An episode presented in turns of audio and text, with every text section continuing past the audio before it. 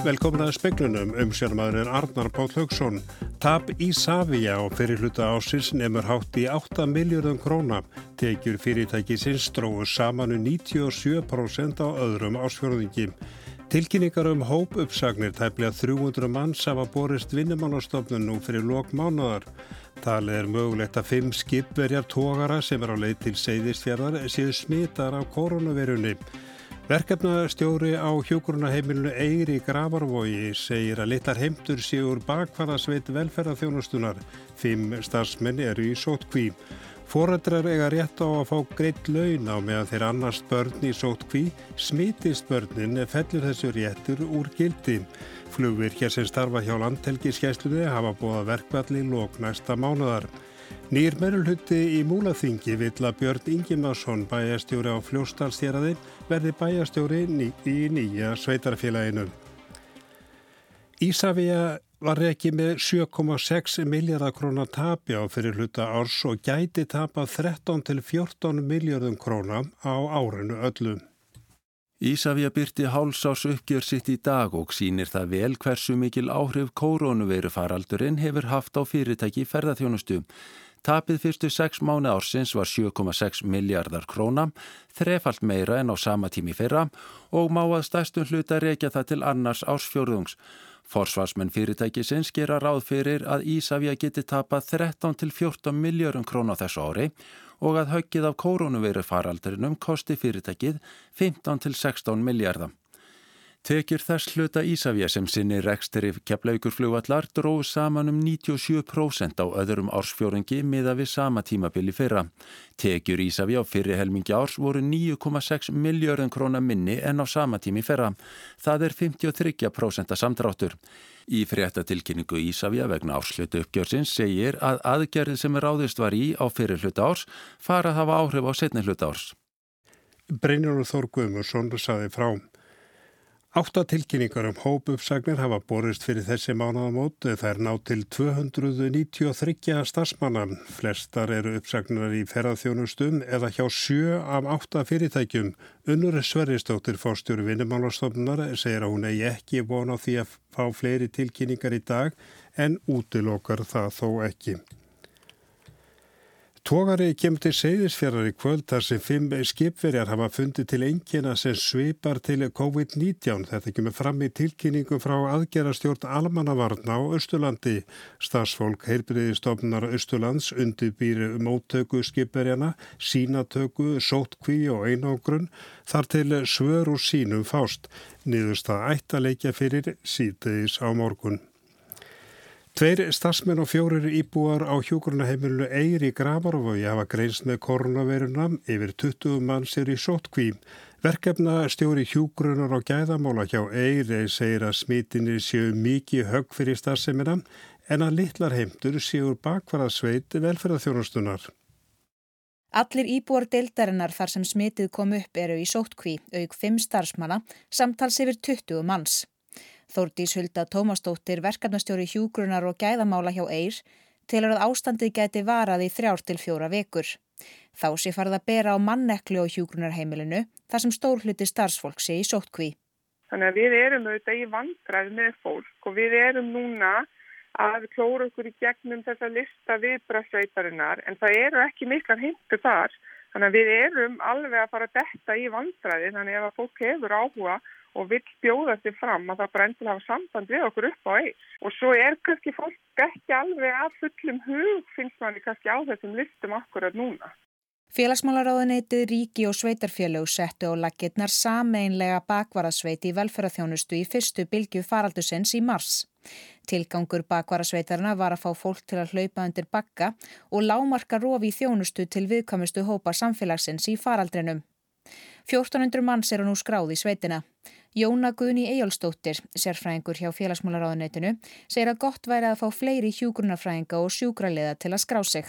Það er svona fjölbetur hópur á listanum. Eins og í þessu tilviki þá var verið að horfa í og leita eftir fólki sem var með hjúgrunarfræðimöndun og sjúkraliðamöndun og sá hópur eh, er svona oftast í vinnu, frekar skortur á, á fólki með þessa möndun heldur en hitt og það er að leiðandi kannski sko er erfitt að fá oft fólk með sko með fyrirvara þó þessi tilbúið að taka að vaktir þá getur það kannski ekki stokki í dag eða, eða morgun. Sagði Jóna Guðni Ejálsdóttir, Þóraldur Þorkirsdóttir, tók saman. Landsbankin er stærsti hlutafin í Æslandir eftir hlutafjárútbóðu fyrir í þessu mánuði með 7,5% hlut og Íslandsbanki er þriðji stærsti hlutafin með 6,5%. Gildi lífriðsjóður kemst upp á milli þeirra með 6,6% hlut. Þetta kemur fram með tilkynningu sem Æslandir byrti í kaupöllinu og skömmu fyrir fréttir. Lífriðsjóður starfsmannaríkisins er í fjörði stærsti hlutafin með rúmlega 6% hlut og brú lífriðsjóður starfsmanna sveitarfélaga sá 50 með tæplega 5% hlut.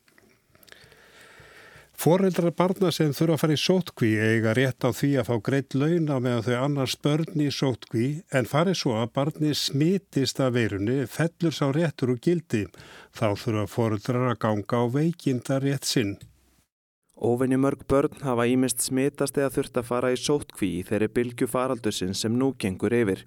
Rífilega 35% þeirra sem eru í sótkví á landinu eru börn. Börn sem þurfa að fara í sótkví þurfa eðlilega að hafa foreldri eða forráðamann með sér. Lögum greiðslur í sótkví sem ríkistjórnin ákvæði lok ágúst að framlengja út árið 2021 ná ekki aðeins til fólk sem þarf sjálft að sæta sótkví heldur einni til þeirra sem þurfa að fara í sótkví með börnum sínum. Ef barn veikist hins vegar af kórunverunni fellur réttur til greiðslu í sótkví úr gildi. Á vefinnumálastofnunar segir að ef barn launamanns veikist af völdum COVID-19 þá nýtir launamaður veikindarétt vegna barna hjá atvinnureikanda í alltaf 12 daga og að þvonum tæmdum skapast réttur í sjúkrasjóðum stjættafélagana. Laugin ná hins vegar ekki til forsjármanna barna sem þurfa að vera heima vegna samkomibans eða annara röskunar á skólastarfi. Skólastarf hefur víða raskast síðustu daga vegna smita og sóttkvér starfsmanna í skólunum. Bjarni Rúnarsson saði frá. Ísal segir kröfur starfsmanna sem bóða hafa verkvælsaðgeri því að hæstu laun hækki mest, slíkt sé ekki í samræmi við lífskjara samningin. Félagar í fimm stjættarfélögum sem starfa í álveri Ríó Tinto í Strömsvík undirbúða aðgerir til að knýja um nýja kjærasamninga. Samningar við þessa starfsmenn hafi verið lausir frá 1. júli síðastlinum en samið hafi verið um launahækkun í mars upp á 24.000 krónur með þeim fyrirvara að fyrirtæki næði nýjum samningu við landsvirkjunum raforku. Þegar það tókst ekki, fjallu samningarnir úr gildi og er deilunni vísað til ríkisáttasemjara.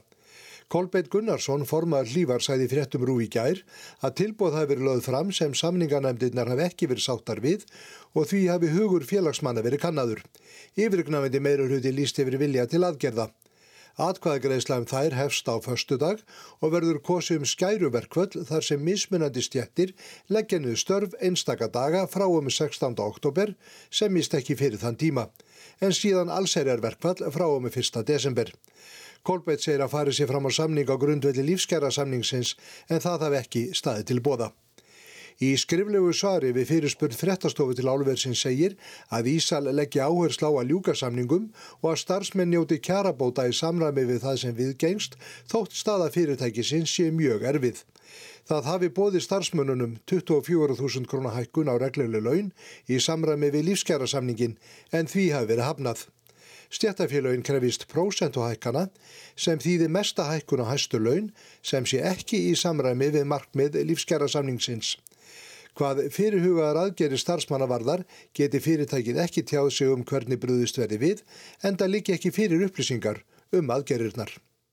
Haugur Hólm saði frá nánari fjallaði um þetta mál síðar í speiklunum. Flugvirkjar sem starfa hjá landhelgiskeisluna hafa búið verkvalla frá 28. oktober samninga þeirra við ríkið hafa verið lausi frá því februar þessu ári.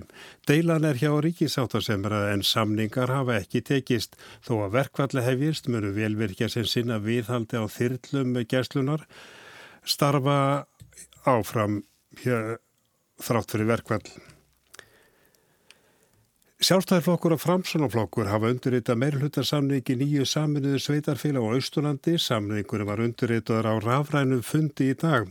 Framkemur í málefnaðarsamningi að leita verði eftir því við Björn Ingimarsson, bæjastjóra á fljóstarþjeraðin, að hann verði bæjastjóri í nýja sveitarfélaginu. Á fundinu kom fram að frambóðin væri sammálum að fara vilja íbúa um nafni Múlaþing og í málefnarsamningnum eh, segir að staður verður fundin fyrir nýja leikskóla á eigilstöðum.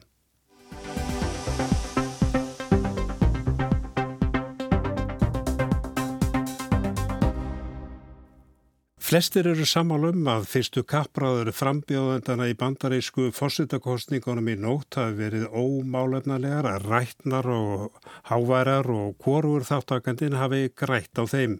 Silja Bára Ómastóttir stjórnmálafræðingur telur að þær geti helst orðið til þess að fæla óákveðna kjósendur frá kjörstað. Það sé Joe Biden og demokrautum í óhag.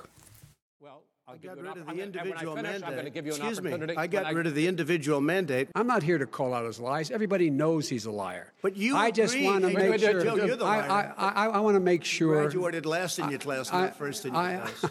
God. I want to make Mr. sure. President, can you let him finish, sir? You wanna question put a is, lot of the new question Supreme Court is, justice, the radical question- left. Will you Who shut is your, up, man? listen, Ég held að flestir sé nú á einu málum að þetta hafi ekki verið eh, þáttakendum til sóma. Í, það er eiginlega það besta sem að frambjóðinu geta vonað er að bara þetta mun ekki hafa mikil áhrif á fylgið þeirra. Þannig að hvorugur hafi hérna, staðið sér þannig að hann geti ímyndað sér að græða á þessu. Framist að Trumps kom ekki mörgum og óvart. Hann leik þann leik sem hann er þekktur fyrir að taka umræðuna yfir, drepa erfiðum spurningum og dreif og grípa í sífellu fram í fyrir andstæðingi sínum, reynað ná honum yfir á sinn vígvöll. Framistuðu Joe Biden var hins vegar beðið með óþreyju. Hann hafði það verkefni að hefja sig yfir Trump og sannfæra kjósendur um að hann var í betri og málefnalegri kostur í fórsetaðanbætið. Hann var að reyna það en, en mér fannst hann ekki ná flugi. Uh, hann var greinlega búinn að æfa sig í uh, ákveðnum frösum, að uh, tala beintin í myndavélina, að ávarpa þig sem einstakling sem að sætir heima og, og værir að horfa. Uh, þú hefur mist nástatan ættingja í þessum faraldri, átt þú mat á borðið uh, hérna, og svona, uh, já, virtist vera tilbúin með eitthvað en, en honum fipaðist mjög oft og og maður kannski sá það hérna bætinn sem sagt hann stamaði mikið æsku og svona náði tökum á því og maður sá á, á köplum að, að hérna að þetta, hann, hann varð stressaður og þá svona kemur svona eins og byrjun á stami. Og hérna þannig að þetta leit út fyrir að honum liði ekki vel í, í þessum aðstæðum og kannski skiljanlega það sem að var stanslöst verið að, að nippi í hann. Um, Trump eins og segir uh, þá sko bjóst maður kannski bara við nákvæmlega þessu uh, og sitjandi fórsetar hafa þann uh, svona já, það, það er ókostur fyrir þá í þessum aðstæðum að þeir hafa minni tíma til að undirbúa sig yfirleitt fyrir kappræður.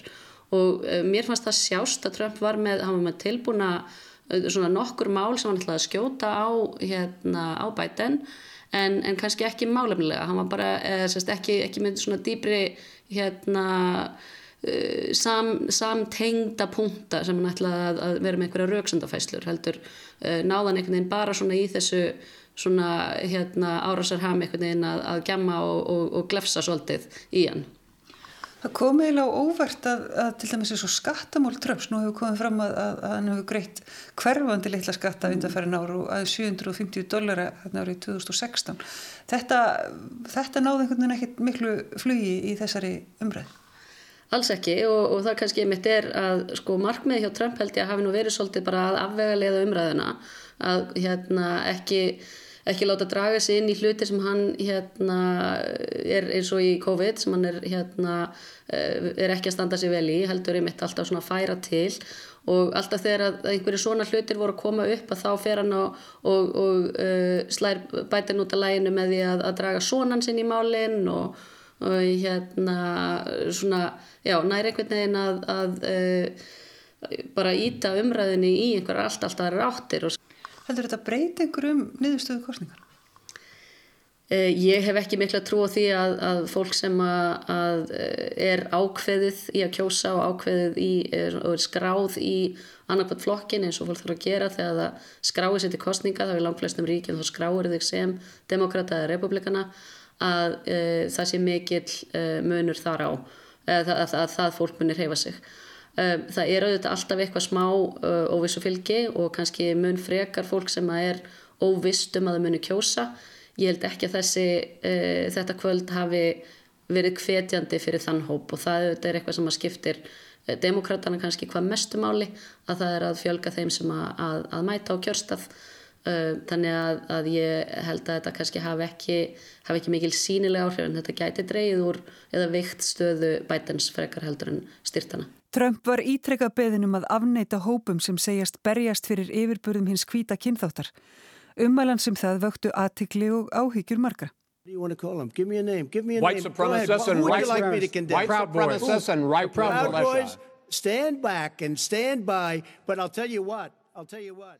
Eh, hvernig er hægt að tólka þetta stand by öðruvísi en verið, eh, þú veist, verið tilbúin, verið, verið til reyðu og, uh, og margir uh, hérna óttast að þetta sé svona einhver byrjun á því að, að Trump muni neyta að viðkenna uh, útkomi kostningana ef hann tapar uh, og sé þarna að segja fólki að vera tilbúið til að grípa til vopna.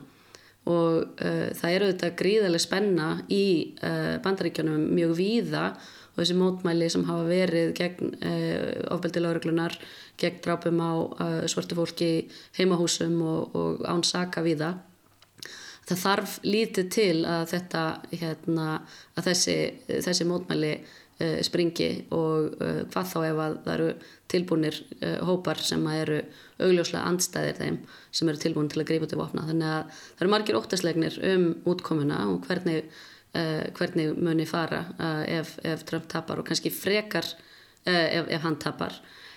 Biden reyndi á einhverjum tímapunkti að segja að ég mun sætta mig útkomuna hvernig sem hún verður. Þannig að það gæti verið svona hérna, það er kannski það sem að fólk heldur að væri bara hreinlega skára í útkoman, ég veit það ekki. Þá verður ekki veist, þá er það ekki hérna greipið til, til vopna Þetta var Silja Bára Ómarsdóttir Sigriður Hagalín Björnsdóttir talaði við hana Svo getur farið að allsera verkull hefjist í tveimur álverum í byrjun desember í álverun í Strömsvík og álveri Norðuráls á Grundatanga. Atkvæðagreysla hefst á förstutæðin meðal starfsmanna Ísars í Strömsvík um að skæruverkvöld hefjist 16. oktober og allsera verkvöld 1. desember. Talsmenn verkalinsfélagana sem eiga í hlut bæði í Straunsvík og Grundantangan segja viðraður strand á því að álverinn séu ekki tilbúin að semja á sömunótum og slegnar er í lífskjærasamningnum. Það strandar náttúrulega á því að við höfum viljað halda hérna lífskjærasamningnum fyrir okkur eins og var samið um sko ákveðarmass síðastliðin. Það var samið um eh, kjærasamning sem var í ígildi í eps við lífskjærasamningin Og það er nú það sem við hefum bara verið að kalla eftir að halda lífskjara samningnum fyrir okkar fólki eins og aðra þegna í þjóðfjörðinu. Segir Kolbeinn Gunnarsson, formadur verkalegisfélagsins Lífar í Hafnafyrði. Félugin í Straunsvík sömdu vissulegi mars sá samningur áttan áfram á næsta ár en fjall döðu niður þegar að komaða umsöndum hækkunum 1. júli. Ástæðan var að umdeilt ákvæði var í samningnum að Ríó Tinto hefði tekist að semja við landsvirkjunum raforkuverðið fyrir 1. júli. Félugin settist við aftur við samningaborðið. Á síðasta sátafundi lístu þau yfir árangurslausum viðræðum. Staðan er svipu hjá fimm félugur sem er að reyna að semja við Norðurál. Viljama Byrkisson, formar verkalegsfélagsins á Akranissi, segir að félugin hafi verið samningslaus í nýju mánuði. Já, það líkur algjörlega fyrir að við erum búin að vera að gera núna kröfum það um allangar hríð að eh, starfsmenn Norður Álsum fái sambarlega hækkanar um var samið í lífstjara samningnum en því miður að þá hefur fyrirtæki til þess að hafnað eh, þeirri kröf okkar. En hvað rökur eru fyrir því? Það eru að mínum dómi ekki einustu rök. Það hefur verið ágrinningur af það hvernig í raun og veru útfæsla lífstjara samningsins hefur verið framkvæmt, hún hefur verið framkvæmt með mismunandi hætti á hennum almenna vinnumarkaði og síðan hjá hennum ofinbera og það hefur meðal annars verið ákveðningur um það en ég held að aðal ákveðningur líki bara einfallega í því að þeim finnst þær launabreitingar sem að lístjara samningur hverður áum vera á miklar og því hafna ég bara algjörlega. Í konun sem gerð var meðal starfsmanna í Strömsvík kom fram að yfirgnæmandi meirhluti að 90% eru hlind því að bóða verið til aðgerða til að knýja á um samninga. Atkvæðagreisla hefst á förstudagin og stendur til 7. oktober um hvort bóða verið til skæruverkvalla og allseraverkvalls í desember. Skæruverkvallin eiga hefjast 16. oktober hjá flestum félagunum Það er alls ekki víst að þau hefjist en tilgangurinn er að sjálfsögða að þrýsta á um samninga. Ef til alls er að verkvæls kemur í Strönsvík tekur það tvær vikur að slökka á kerónum.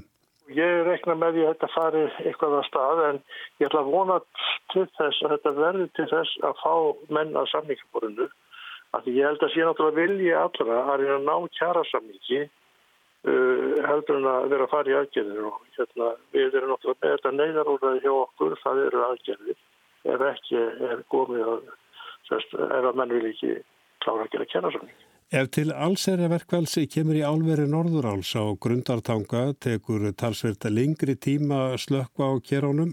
Það er endar búið samningafundur hjá sáttasemir á morgun í deilunni.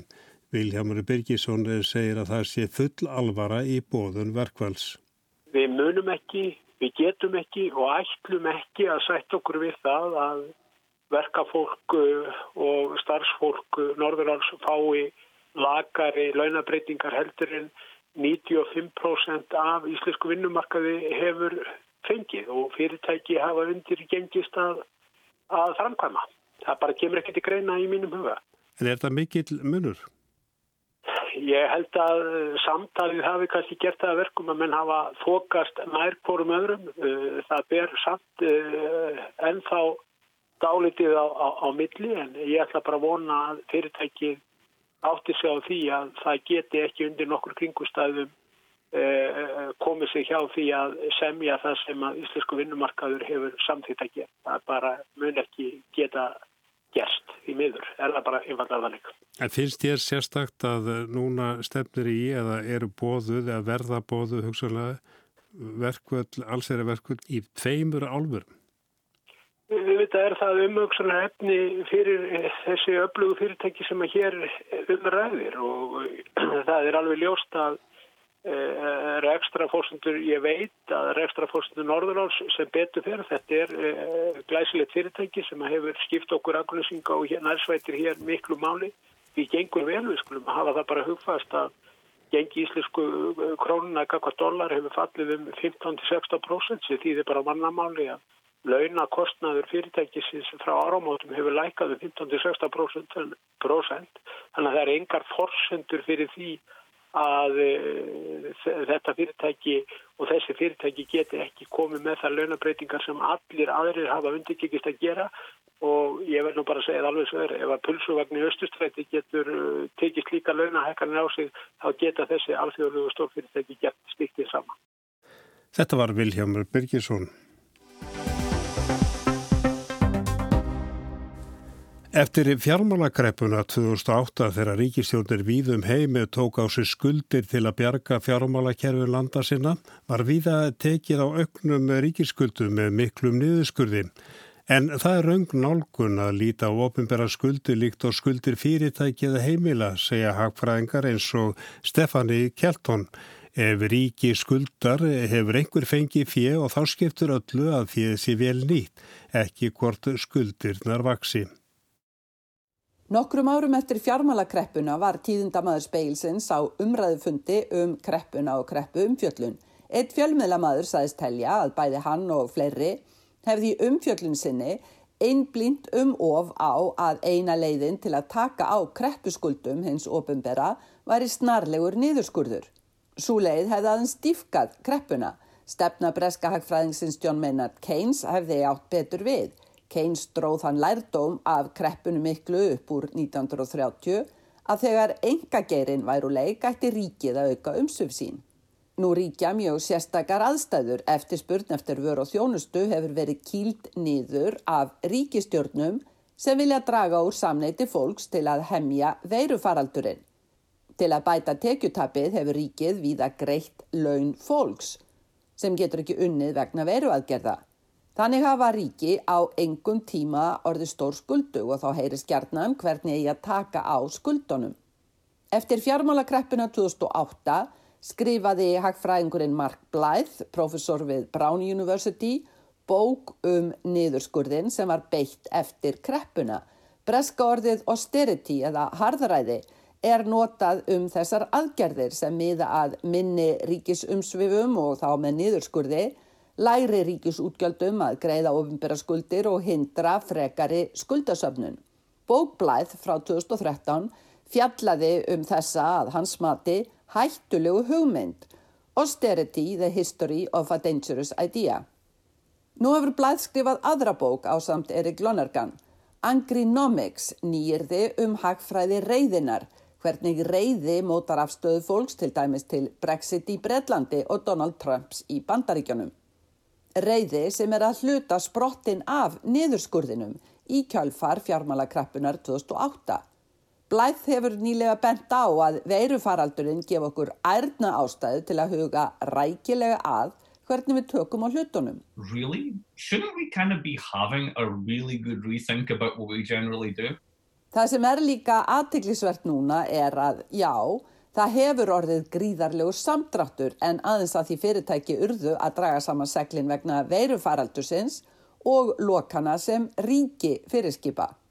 Vandin er að var áhugaverður, segir Blæð. Eignir hafi ekki eigðilagst, þetta er allt þarna eins og við skildum við það.